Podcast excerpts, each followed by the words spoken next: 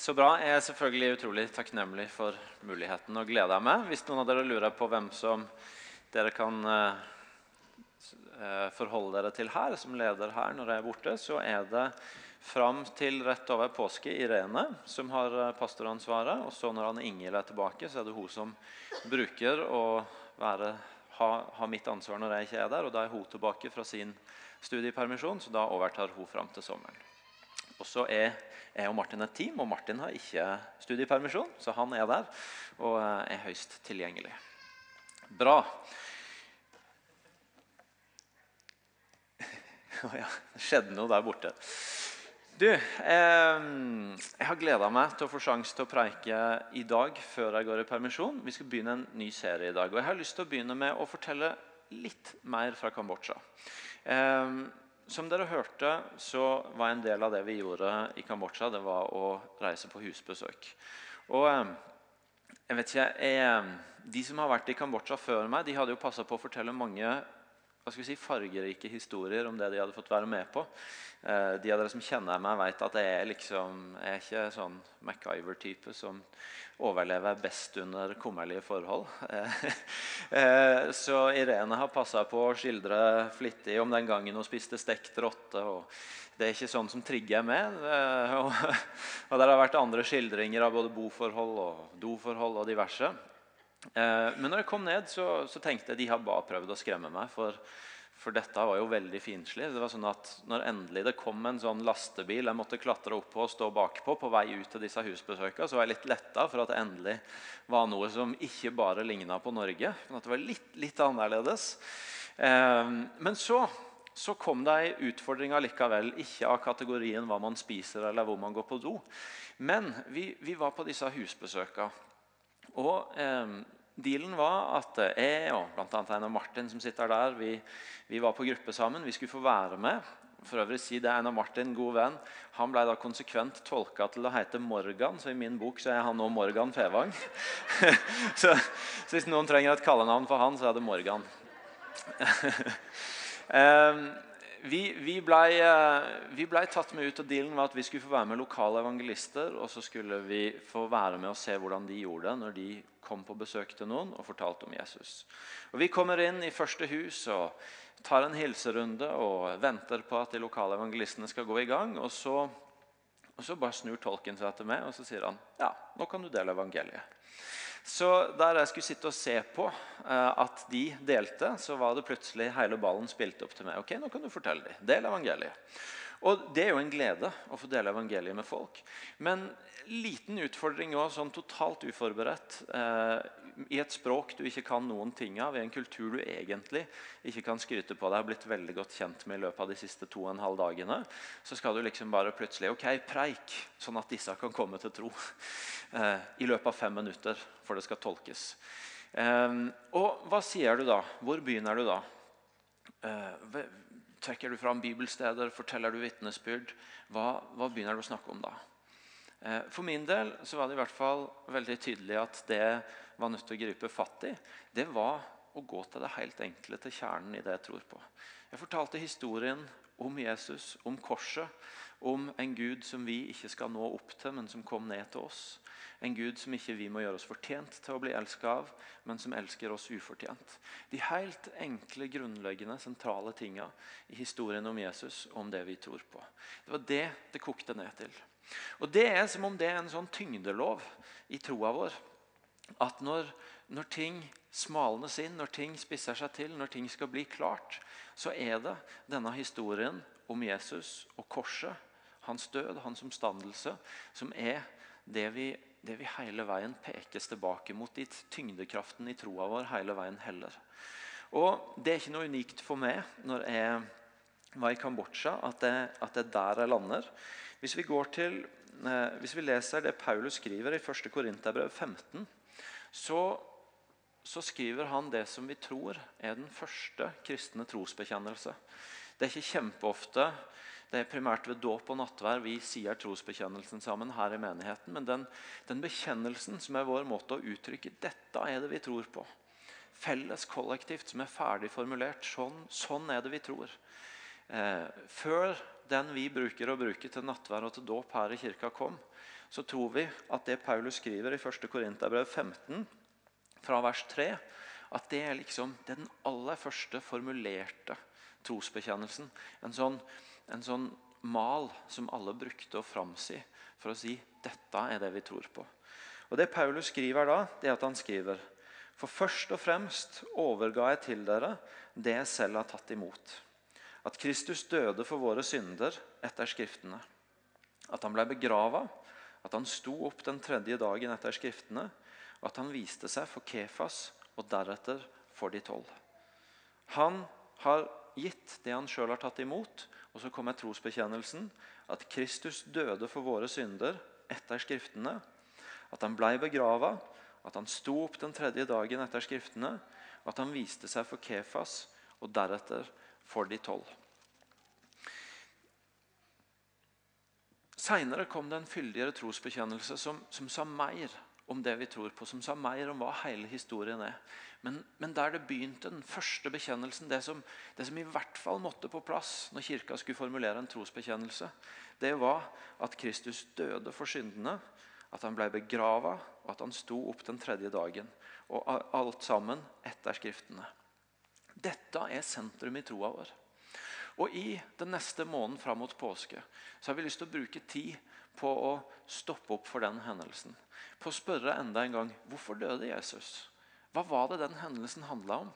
På den ene sida kan de av oss som har gått lenge i kirka, bli litt sånn immune mot at dette har vi hørt mange ganger før, og vi vet at det er sentrum, og vi, og vi, og vi tror vi kjenner det. Som gjør at vi kanskje ikke stiller noen av de grunnleggende spørsmåla. Men, men Gud, hvorfor vil du gjøre det på den måten? Hva er det egentlig som blir løst av at en mann må dø på et kors? Det høres jo ganske grusomt ut, egentlig. Hvorfor er det en løsning? Hva handla det om? Hva tenkte du? Hva, hva var det for noe, Gud? Hva er det for noe? Og Så har vi de neste ukene lyst til å stoppe opp igjen og stille de spørsmåla. Og Noe av det vi, vi oppdager eh, når, vi, når, vi, leser mer, det er at det er ikke bare noen kapitler i slutten av evangeliene som forteller historien om at Jesus døde for vår skyld. Men Bibelen er faktisk full av materiale som handler om det. Det sto I bekjennelsen til Paulus så sto det at Kristus døde for våre synder etter Skriftene. Altså Han døde sånn som det var forutsagt i Skriftene. Og han sto opp den tredje dagen etter Skriftene. Det gamle testamentet er så fullt av elementer som peker fram mot at dette skulle skje. Både i form av konkrete profetier, men også i form av hendelser og, og innhold som, som, bygger opp mot det, som peker fram mot det. Og som gjør at vi ser at, at det var ikke sånn at Jesus plutselig en en, en, påskekveld i Jerusalem hvor han egentlig satt og spiste med disiplene, fikk en fiks idé at ja, kanskje, kanskje, det er korset som er løsninga. Nei, han, han, gikk i disse siste avgjørende dagene inn i noe som, som det lenge var blitt spilt opp mot. Som det over mange hundre år var blitt talt fram mot. Og som han sjøl visste veldig godt, ser vi gjennom hele hans tjeneste, at, at det var dit han var på vei. Og Når vi leser bøkene etter evangeliene, både apostlenes gjerninger og brevlitteraturen, så ser vi at de òg er fulle av det samme. Det er ikke sånn at Da var historien fortalt, og så kan de snakke om noe annet. Men, men de fortsetter å peke tilbake igjen. Hele Bibelen er full av denne historien. Og Vi ser når vi leser alt dette materialet, at, at det er som om vi kan, kan se den hendelsen hvor Jesus dør på korset, gjennom forskjellige linser fra forskjellige vinkler. Det er litt som når du ser på et motiv eller et bilde, så kan du zoome veldig langt inn og, og, se noe veldig spisst. og Så kan du zoome ut igjen og så ser du et bredere bilde. Du kan komme til det fra forskjellige vinkler og se ulike dimensjoner ved det. Og På samme måte så ser vi at de forskjellige stedene i Bibelen som handler om dette, det er som om de, som om de kalibrerer hva dette handler om gjennom forskjellige linser, gjennom forskjellige motiv. hvor hvor de ikke står imot hverandre, hvor de ikke er uenige med hverandre, men hvor det, hvor det blir et bredere bilde enn bare én dimensjon. Se på Paulus, hvordan han skriver om Jesu døde oppstandelse i sine forskjellige brev. Så har han ikke én ting han hamrer på hele veien. Men han, du kan lese Romerbrevet, og så får du ei linse. Og så kan du lese Feserbrevet, og så får du ei litt annen linse. som ikke er uenige med hverandre, men som fyller ut et bilde av forskjellige dimensjoner med hva, hva handla det egentlig om. Hva betyr det at han døde? Det er en kar som heter John Piper, som har skrevet en bok om 50 grunner til at Jesus døde. Og, og jeg tror ikke 50 grunner er nok engang. Jeg tror vi kunne bruke veldig mye mer enn fire uker eller 50 grunner på å prøve å få, få ut hva, hva var det der for noe. Men i løpet av de neste fire ukene så skal vi forsøke å, å ta noen av de perspektivene. Bruke noen forskjellige linser til å kikke på Jesus, hva, hva handla det om? Gud, hvorfor var det løsninga? Hva betyr det for oss i dag? Vi skal prøve å hente ut ikke bare selve fortellingen, men, men noe av bredden i bibelmaterialet. Og se hva, hva er de forskjellige perspektivene av hvorfor han døde. Hvorfor denne hendelsen er så viktig. Men måten vi skal gjøre det på, det er å følge selve fortellinga. Det er å gå inn i evangelieteksten og følge den siste vandringa i påska opp mot korset. Vi er i fastetida i kirkeåret, og den handler om å gjøre seg klar for påske. Vi skal følge Jesus veien til korset, og så skal vi hente inn de andre, andre perspektivene og de andre tekstene ettersom vi følger han hele veien mot korset. Så la oss be en bønn, og så skal vi begynne på vår del av historien, som det skal handle om i formiddag. Jesus, vi står her med en dyp grad av ydmykhet for at du har stått for det vi tror er den viktigste hendelsen i historien. Når du var villig til å gi ditt liv for vår skyld. Og Vi har lyst til å sette til side disse ukene til å, til å lese tekstene og til å være i bønn og til å lytte til du og til å forsøke å, å få lov til å komme enda dypere i hva, Hvorfor gjorde du det, Jesus? Hva handla det om? Hva betyr det for oss? Hvorfor var du villig til å gjøre det for vår skyld? Jeg har bare lyst til å be deg om at du, du åpner ordet for oss nå, sånn at uh, vi både lærer nye ting, men også at, at du gjør noe med oss gjennom det. At du forankrer oss i en trygghet på, på hvem du er, og hvem vi er i du. At du, at du lar denne historien om, om at du var villig til å gi ditt liv for vår skyld, lar det bli til en sånn ny frimodighet for oss. En ny trygghet for oss. Nytt liv for oss. Som vi kan få leve i. Så vi inviterer Den Hellige Ånd til å åpne ordet. Og til å puste liv i det. Og til å ta oss inn i ordet. Sånn at vi ser mer enn bare orda og historien. Men vi ser hva det betyr for oss i dag. Amen. Vi skal begynne i dag med å se på første del av historien. og Vi er i Matteus 26. Ehm, I Matteus evangeliet så fortelles det noen kapitler før om hvordan Jesus kommer til Jerusalem, og palmesøndagsmotivet, hvor han kommer ridende inn på et esel, og de feirer hans eh, innkomst. Og så er det i noen kapitler noen hendelser hvor både Jesus er i Jerusalem og eh, gjør en del oppsiktsvekkende ting, som å renske tempelet for folk som gjør penger der, til at han underviser og sier ting som, som er ganske sånn, røsker ganske godt i folk. Vi ser hvordan Jesus han bor i Betania litt utenfor Jerusalem. så Hver dag så trekker han seg tilbake, og så kommer han inn igjen. og Så, og så taler han til folket, og så, og så, skjer det ting rundt han. Og så I kapittel 26 så begynner selve påskefortellinga. Det står at Da Jesus hadde fullført hele denne talen, så sa han til disiplene.: Dere vet at om to dager er det påske, og menneskesønnen blir utlevert for å bli korsfesta. Nå kom overprestene og folkets eldste sammen i palasset til øverste, øverstepresten Kaifas, og de ble enige om å gripe Jesus med list og få han drept. Men ikke under høytiden, sa de, for da kan det bli uro i folket. Så Jesus er forberedt på det som skal skje, og begynner å igjen minne de som er rundt ham på det. Og Samtidig så begynner planene om å ta han og legges eh, fra de som ønsker å se han dø. Og I vers 14 så fortsetter planen å legges når det står at da gikk en av de tolv, han som het Judas Iskariot, til overprestene og sa:" Hva vil dere gi meg for å utlevere han til dere? De betalte han 30 sølvpenger. Og fra da søkte han en anledning til å forråde han. Så planene begynner å legges om at Jesus skal tas, og at han ikke bare skal fanges, men at han skal tas livet av. Og Så leser vi de neste versene om hvordan Jesus Der står at på den første dagen i de usyrede brøds høytid kom disiplene til Jesus og spurte hvor vil du vi skal gjøre i stand til påskemåltidet for deg? Og Jesus svarte, gå inn i byen til den mannen dere vet, og si til han, Mesteren sier, min time er nær, hos deg vil jeg holde påskemåltid med disiplene mine. Disiplene gjorde som Jesus hadde pålagt dem, og de gjorde i stand påskemåltidet.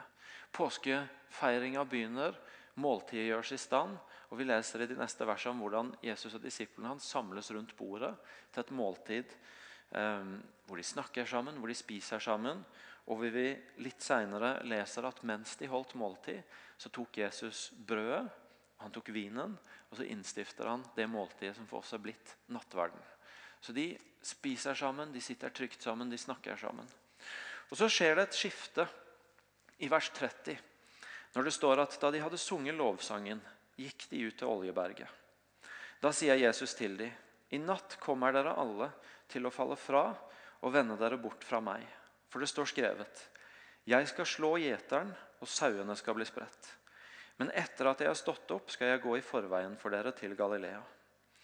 Peter tok til orde og sa, om så alle vender seg bort fra deg, kommer jeg aldri til å gjøre det. Jesus svarte, sannelig, jeg sier deg, i natt før hanen galer skal du fornekte meg tre ganger.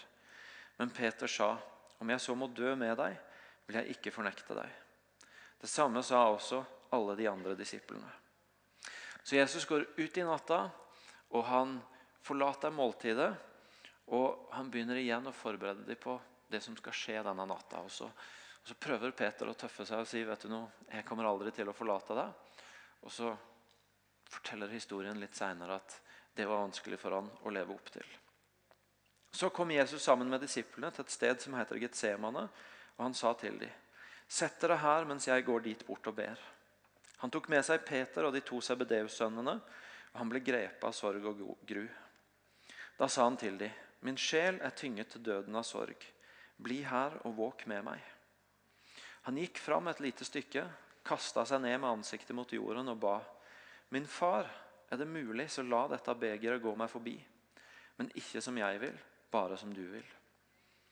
Da han kom tilbake til disiplene og fant de sovende, sa han til Peter.: Så klarte dere ikke å våke med meg en eneste time. Våk og be om at dere ikke må komme i fristelse. Ånden er villig, men kroppen er svak. Igjen, for andre gang, gikk han bort og ba. Min far, om ikke dette begeret kan gå forbi meg, og jeg må drikke det, så la viljen din skje. Da han kom tilbake, fant han de igjen sovende, for øynene deres var tunge av søvn. Nå forlot han de og gikk på ny bort og ba den samme bønnen for tredje gang. Så kom han tilbake til disiplene og sa, dere sover og hviler fremdeles. Nå er stunden kommet da menneskesønnen skal overgis i mennesket, i synderhender. Stå opp, la oss gå. Han som forråder meg, er nær. Jeg vil at du skal se det skiftet som skjer denne kvelden i Jesu liv. Hvordan han er denne etter hvert ganske berømte skikkelsen som over tre år har bygd seg opp et, et ganske solid ry. Blitt ganske berømt. Ikke nødvendigvis populær blant alle. For vi, vi merker også i disse versene spenningene som gjør at noen ønsker å ta livet av han. Men han, tenk på hvor mange mennesker som har blitt helbredet av han. Tenk på hvor mange mennesker som var vant til at folk fordømte, og som han satte seg ned og spiste med. Så mange mennesker som har møtt noe godt hos Jesus, og som har og som han har fått et navn hos, og som har gjort at igjen og igjen i evangeliene så leser vi at når Jesus prøvde å komme seg unna til et nytt sted, så var det massevis av folk som bare sto der og venta på han, for de ville ha tak i han. Og Han har fått en, en sånn gjeng av etterfølgere som følger han, og som er committa til han, og som, og som har veldig tro på han. De har lyst til at han skal bli den neste kongen, den neste lederen. Eh, og som, og som har dedikert livet sitt til å gå i fotsporet hans. Og Han har kommet inn til Jerusalem, feira som en konge, ridende på et esel med palmegreiner og, og, og med en sang som, som, han bare ville synge tegn som var konge. Og Nå sitter han rundt bordet, og han har sine nærmeste støttespillere rundt seg. Han Bordet er dekka, det er mat på bordet, det er lyst inne, det er trygt, det er godt. Han har vennene sine rundt seg. Han er det naturlige midtpunktet for festen. Og Så skjer det et skifte idet han bryter opp og går ut i natta. Og Det går fra å være lyst til å være mørkt.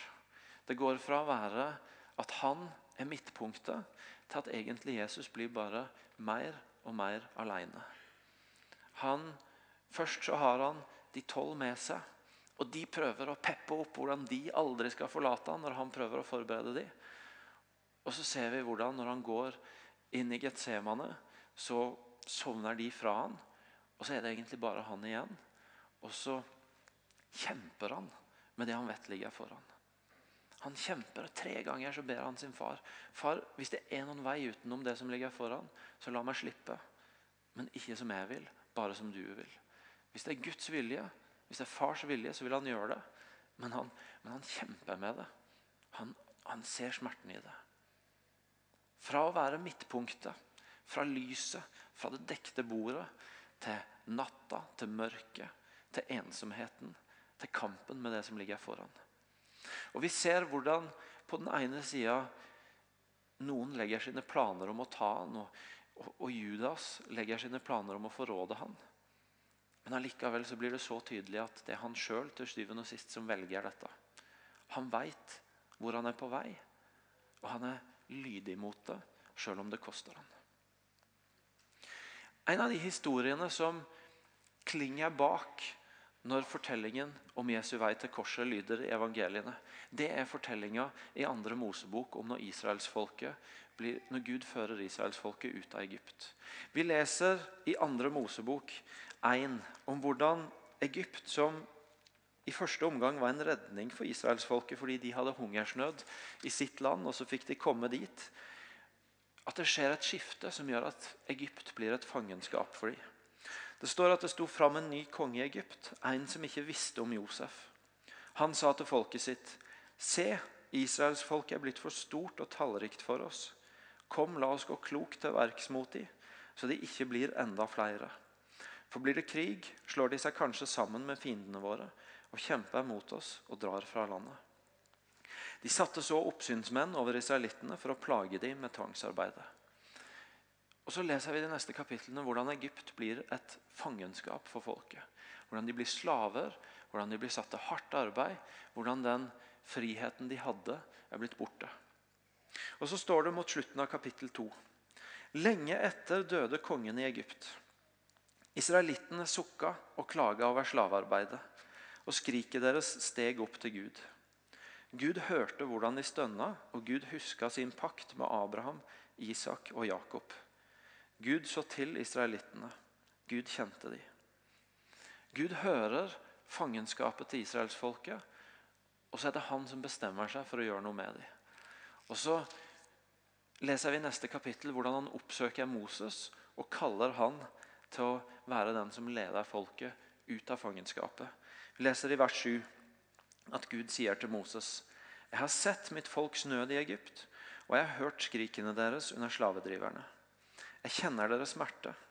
Jeg har steget ned for å fri de ut av hendene på egypterne og føre de opp fra dette landet og inn i et godt og vidstrakt land. Inn i et land som flyter av melk og honning. Stedet hvor kanoneerne og hetittene, amorittene og perisittene, hevittene og jebusittene bor. For nå har skriket fra israelittene nådd meg, og jeg har også sett hvor hardt egypterne undertrykker de. Gå nå, jeg sender deg til farao. Du skal føre mitt folk, israelittene, ut av Egypt. Og Så fortsetter fortellinga med hvordan Moses går, og hvordan han leder folket, sakte, men sikkert. Det tar litt tid, og det er noen utfordringer på veien, ut av fangenskapet. Og Det jeg har lyst til at vi skal se denne formiddagen, det er hvordan historien om at israelsfolket tas ut av Egypt, er en historie så tydelig om hvordan det er Gud som tar et initiativ, og som oppsøker sitt folk, og som fører de ut. Det sitter ikke en eller annen smart eller ivrig eller dedikert israelitt i Egypt og tenker jeg har en tanke om at vi skulle vært ute av Egypt. Jeg har en drøm om å, om å sette folket mitt fri. og og jeg lurer på om vi kunne gjort det sånn og sånn. Så, og så går han til Gud og så ber han Gud om å velsigne det, og så, og så tar han det ut. Nei, Vi leser faktisk ingenting om at det er en tanke eller et initiativ eller en idé hos israelsfolket om at vi kan jo bli fri. Vi kan komme oss ut. Vi kunne kanskje gjort det på denne måten. Gud kan jo hjelpe oss med det. Nei, Vi leser egentlig bare om hvordan de lever under smerten og fangenskapet og prøver å gjøre det beste ut av det, uten å ha en idé om en vei ut. Og så er det Gud som oppsøker dem. Så er det Gud som hører sjokket, som hører klagen, og som sier at 'Jeg har kommet i hu. Jeg har kommet på folket mitt.' 'Og jeg har steget ned fordi jeg har lyst til å hjelpe dem ut.' Initiativet er helt utelukkende hos Gud. Det er han som tar dem ut. Det er han som, det er han som kommer i bevegelse. Det er han som har initiativet hele veien. Hvorfor gjør han det? Gjør han det fordi israelsfolket er et spesielt stort og viktig folk? Gjør han det fordi de er spesielt fromme og verdt å elske? I 5. Mosebok kapittel 7 så sier han Nei, så står det Når Herren hadde godhet for dere og valgte dere ut, var det ikke fordi dere var større enn alle andre folk. For dere er de minste av folka. Så ikke fordi de var store. Men fordi Herren elska dere og ville holde eden han hadde sverga for deres fedre, førte Herren dere ut med sterk hånd. Han fridde deg ut fra slavehuset, fra faraos, egypterkongens hånd. Det var ingen gode grunner, egentlig, sett ut fra israelsfolkets side, for at Gud skulle gjøre det han gjorde. Ikke fordi de var så store og betydningsfulle, for de var de minste. Det var ikke fordi de var så fromme og elskverdige, for det står flere ganger om hvordan de er det stae folket, som er vanskelig for Gud å lede, fordi de hele veien skal sin egen vei. Men, men svaret Gud gir i dette verset, her er egentlig at jeg gjorde det fordi jeg elsker, og jeg elsker fordi jeg elsker. Jeg elsker ikke pga. noe hos dere, men jeg elsker fordi jeg elsker. Han begrunner sin kjærlighet med sin kjærlighet. Og Han plasserer så tydelig begrunnelsen for at han gjør det han gjør, ikke hos de, men hos seg sjøl. Og egentlig så er det det samme som skjer når Jesus bryter opp fra vennene og fra lyset og fra måltidet og fra å være midtpunktet og går ut i det mørket hvor han bare blir mer og mer alene. Han responderer ikke på et forslag fra en av disiplene. Han kommer ikke som en respons på et forslag fra noen andre mennesker. Men han, kommer, han gjør noe som var Guds plan, og som ingen andre hadde kommet opp med. Men som utelukkende var Guds initiativ, og som Gud planla for å komme oss mennesker i møte. Både Augustin og Martin Luther er tillagt dette sitatet om, at, om, om oss menneskers situasjon, om hva synd er, at vi er innkrøkt i oss sjøl. Og Innkrøkt er jo et litt rart ord. Det er ikke en del av min dagligtale egentlig. Bortsett fra når jeg kommer på det sitatet. Men det sier noe om at, om at vi egentlig er vår situasjon som mennesker er at vi er fanga i oss sjøl. Vi, vi, er litt fanga i en virkelighet som vi ikke helt klarer på egen hånd å finne veien ut av. Jeg vet ikke hva slags forhold du har til ordet synd. Men ofte når vi snakker om synd, så, så ender vi opp veldig fort med å snakke om handlinger som er synd eller ikke. Og, og jeg, vi tror på det, at vi kan gjøre syndige handlinger. Men grunnleggende så er ikke utgangspunktet for synd ei handling, men det er et brudd som er skjedd mellom oss og Gud. Det er et grunnleggende brudd som er skjedd hvor vi mennesker valgte å plassere oss sjøl i en posisjon bare Gud kunne ha. Hvor mennesket grunnleggende valgte å si at istedenfor at Gud skal få være Gud, og jeg skal få ha min plass, og det er den beste stedet å leve, så har jeg lyst til å være der Gud står. Jeg har lyst til å være i Guds posisjon. Jeg har lyst til å velge mine veier. Jeg har lyst til å gå den veien jeg vil. Og så er det det bruddet mellom Gud og mennesker som en gang skjedde, som blir utgangspunktet for at vi gjør ting som ikke er Guds vilje. For at vi gjør ting som vi på ulike vis kaller synd. Og Det er det bruddet som jeg og du lever i den dag i dag. Det bruddet hvor, hvor vi så lett plasserer oss sjøl i midten. I den plassen bare Gud skulle ha. Og så lærer Bibelen oss noe om at vet du noe, den posisjonen der, den situasjonen der, den klarer vi ikke helt å finne veien ut av sjøl. Ofte når jeg snakker med folk om tro, så blir det denne samtalen om at ja, jeg gjør så godt jeg kan. Og så lærer vi egentlig noe i, i Bibelen om at vet du noe, å gjøre så godt vi kan, blir aldri godt nok. Og Det kan jo høres veldig brutalt ut, men jeg kan kjenne meg veldig igjen i det. Jeg, jeg vet de gangene jeg går og, og prøver å rettferdiggjøre meg sjøl når jeg veit at vet du noe, dette funker ikke. Og så prøver jeg å si til meg sjøl men du gjør jo så godt du kan. Ja, Men allikevel så lugger det. Allikevel så er ikke livet mitt der, der det skulle være. Allikevel så er det ikke noe som stemmer. Og Det er fordi jeg er fanga i denne her situasjonen hvor jeg, hvor jeg plasserer meg sjøl i midten, i Guds posisjon. Og så finner jeg ikke veien ut. Og Paulus han skriver at, at her er det ikke forskjell på oss. Her, Han skriver i Nå skal jeg bare finne, finne det, så jeg siterer det helt korrekt her. Han skriver at her er det ingen forskjell, for alle har synda og mangler Guds herlighet. Og Hvis vi ser på samfunnet rundt oss, så, så ser vi at til og med når vi, når vi, skal prøve så godt vi kan på egen hånd, så er det ikke engang alltid at frukten av det blir så himla bra. I høst så begynte forskerne å snakke om den unge generasjonen som generasjon perfekt. Som skal prøve å fikse alt og være perfekt i alt. Og nedsida av det, og hvordan det sliter ut og skaper psykiske problemer. og har en hel rekke sideeffekter fordi det funker så dårlig hvis alt vi skal belage oss på, er at vi skal gjøre så godt vi kan. For noen uker siden var Sven Brinkmann på Skavlan og, og snakka om dette tyranniet av å hele veien leve under denne selvutviklinga hvor vi skal bli litt bedre hele veien. Strekke oss sjøl litt lenger hele veien. Og så er det noe sant i det, men så tar han et oppgjør med det. Fordi, fordi det er noe som, som ikke går opp i det. Vi kommer ikke i mål med det. Per Fugelli, som har snakka om ånden i det norske samfunnet som en streng ånd. Og vi er strenge med hverandre fordi vi, vi jager etter å finne ut av det sjøl. Og så er den grunnleggende fortellinga her at vet du noe, vi finner ikke veien ut sjøl. Men når Jesus bryter opp fra måltidet og går ut i natta, i mørket, og gradvis blir mer og mer aleine så er det fordi at han hadde den løsninga vi ikke kunne komme opp med. At han gjorde det ingen av oss kunne gjøre.